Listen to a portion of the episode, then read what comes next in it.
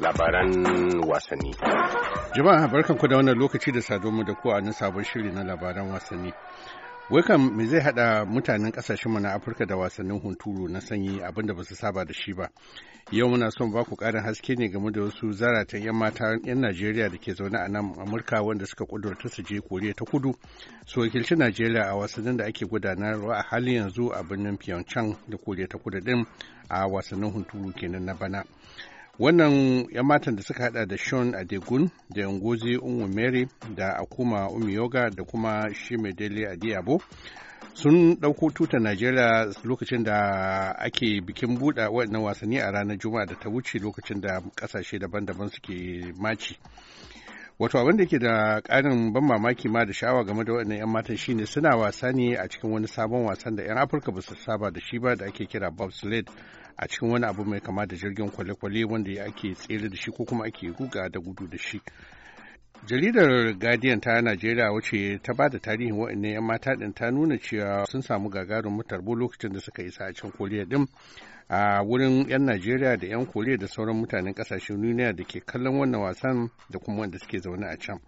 Dukkan 'yan matan nan da ke wannan wasa a america aka haife su kuma suna zaune ne a jihar texas wanda ke nufin cewa da sun ga dama da amurka za su wakilta a wajen wannan wasanni din ba najeriya ba. Amma suka kudurta cewa najeriya za su je su ɗauki tutata su gwada wa duniya.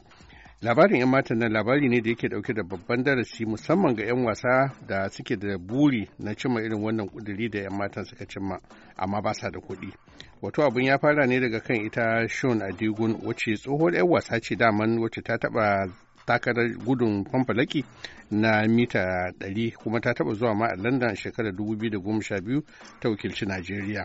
To shine ta so ta kafa wannan ƙungiya da za su yi wannan gasa din shine ta gayyato wannan sauran 'yan matan guda biyu ta fara da su wato ingozi da kuma ita a wanda kuma suka ce za su je su yi wannan abin tarihi na wakiltar Najeriya a karon farko a irin wannan wasa din. To suna buƙatar kuɗi ba su da kuɗi domin suna buƙatar kuɗi ba don kawai su sayi kayayyakin gwajin wannan wasan ba wanda aka ce kayan mai tsada ne ƙwarai da gaske suna buƙatar kuɗi kuma domin ainihin ita tafiya zuwa inda za a je har a samu cancanta shiga wasannin Olympics din. To shine sai suka shiga cikin duniyar gizo akwai wani dandali da ake kira GoFundMe wato wani website ne wanda mutane da ke da buƙatar kuɗi sukan je su nemi taimakon al'umma daga gare shi kuma ta da 'yan matan nan suka haɗa hancin dala Amurka dubu saba'in da biyar misalin naira miliyan ashirin da bakwai da 'yan kai kenan a cikin wa'adin watanni goma sha ɗaya. To wannan ya ba su damar suka je kore ta kudu domin su wakilci Najeriya.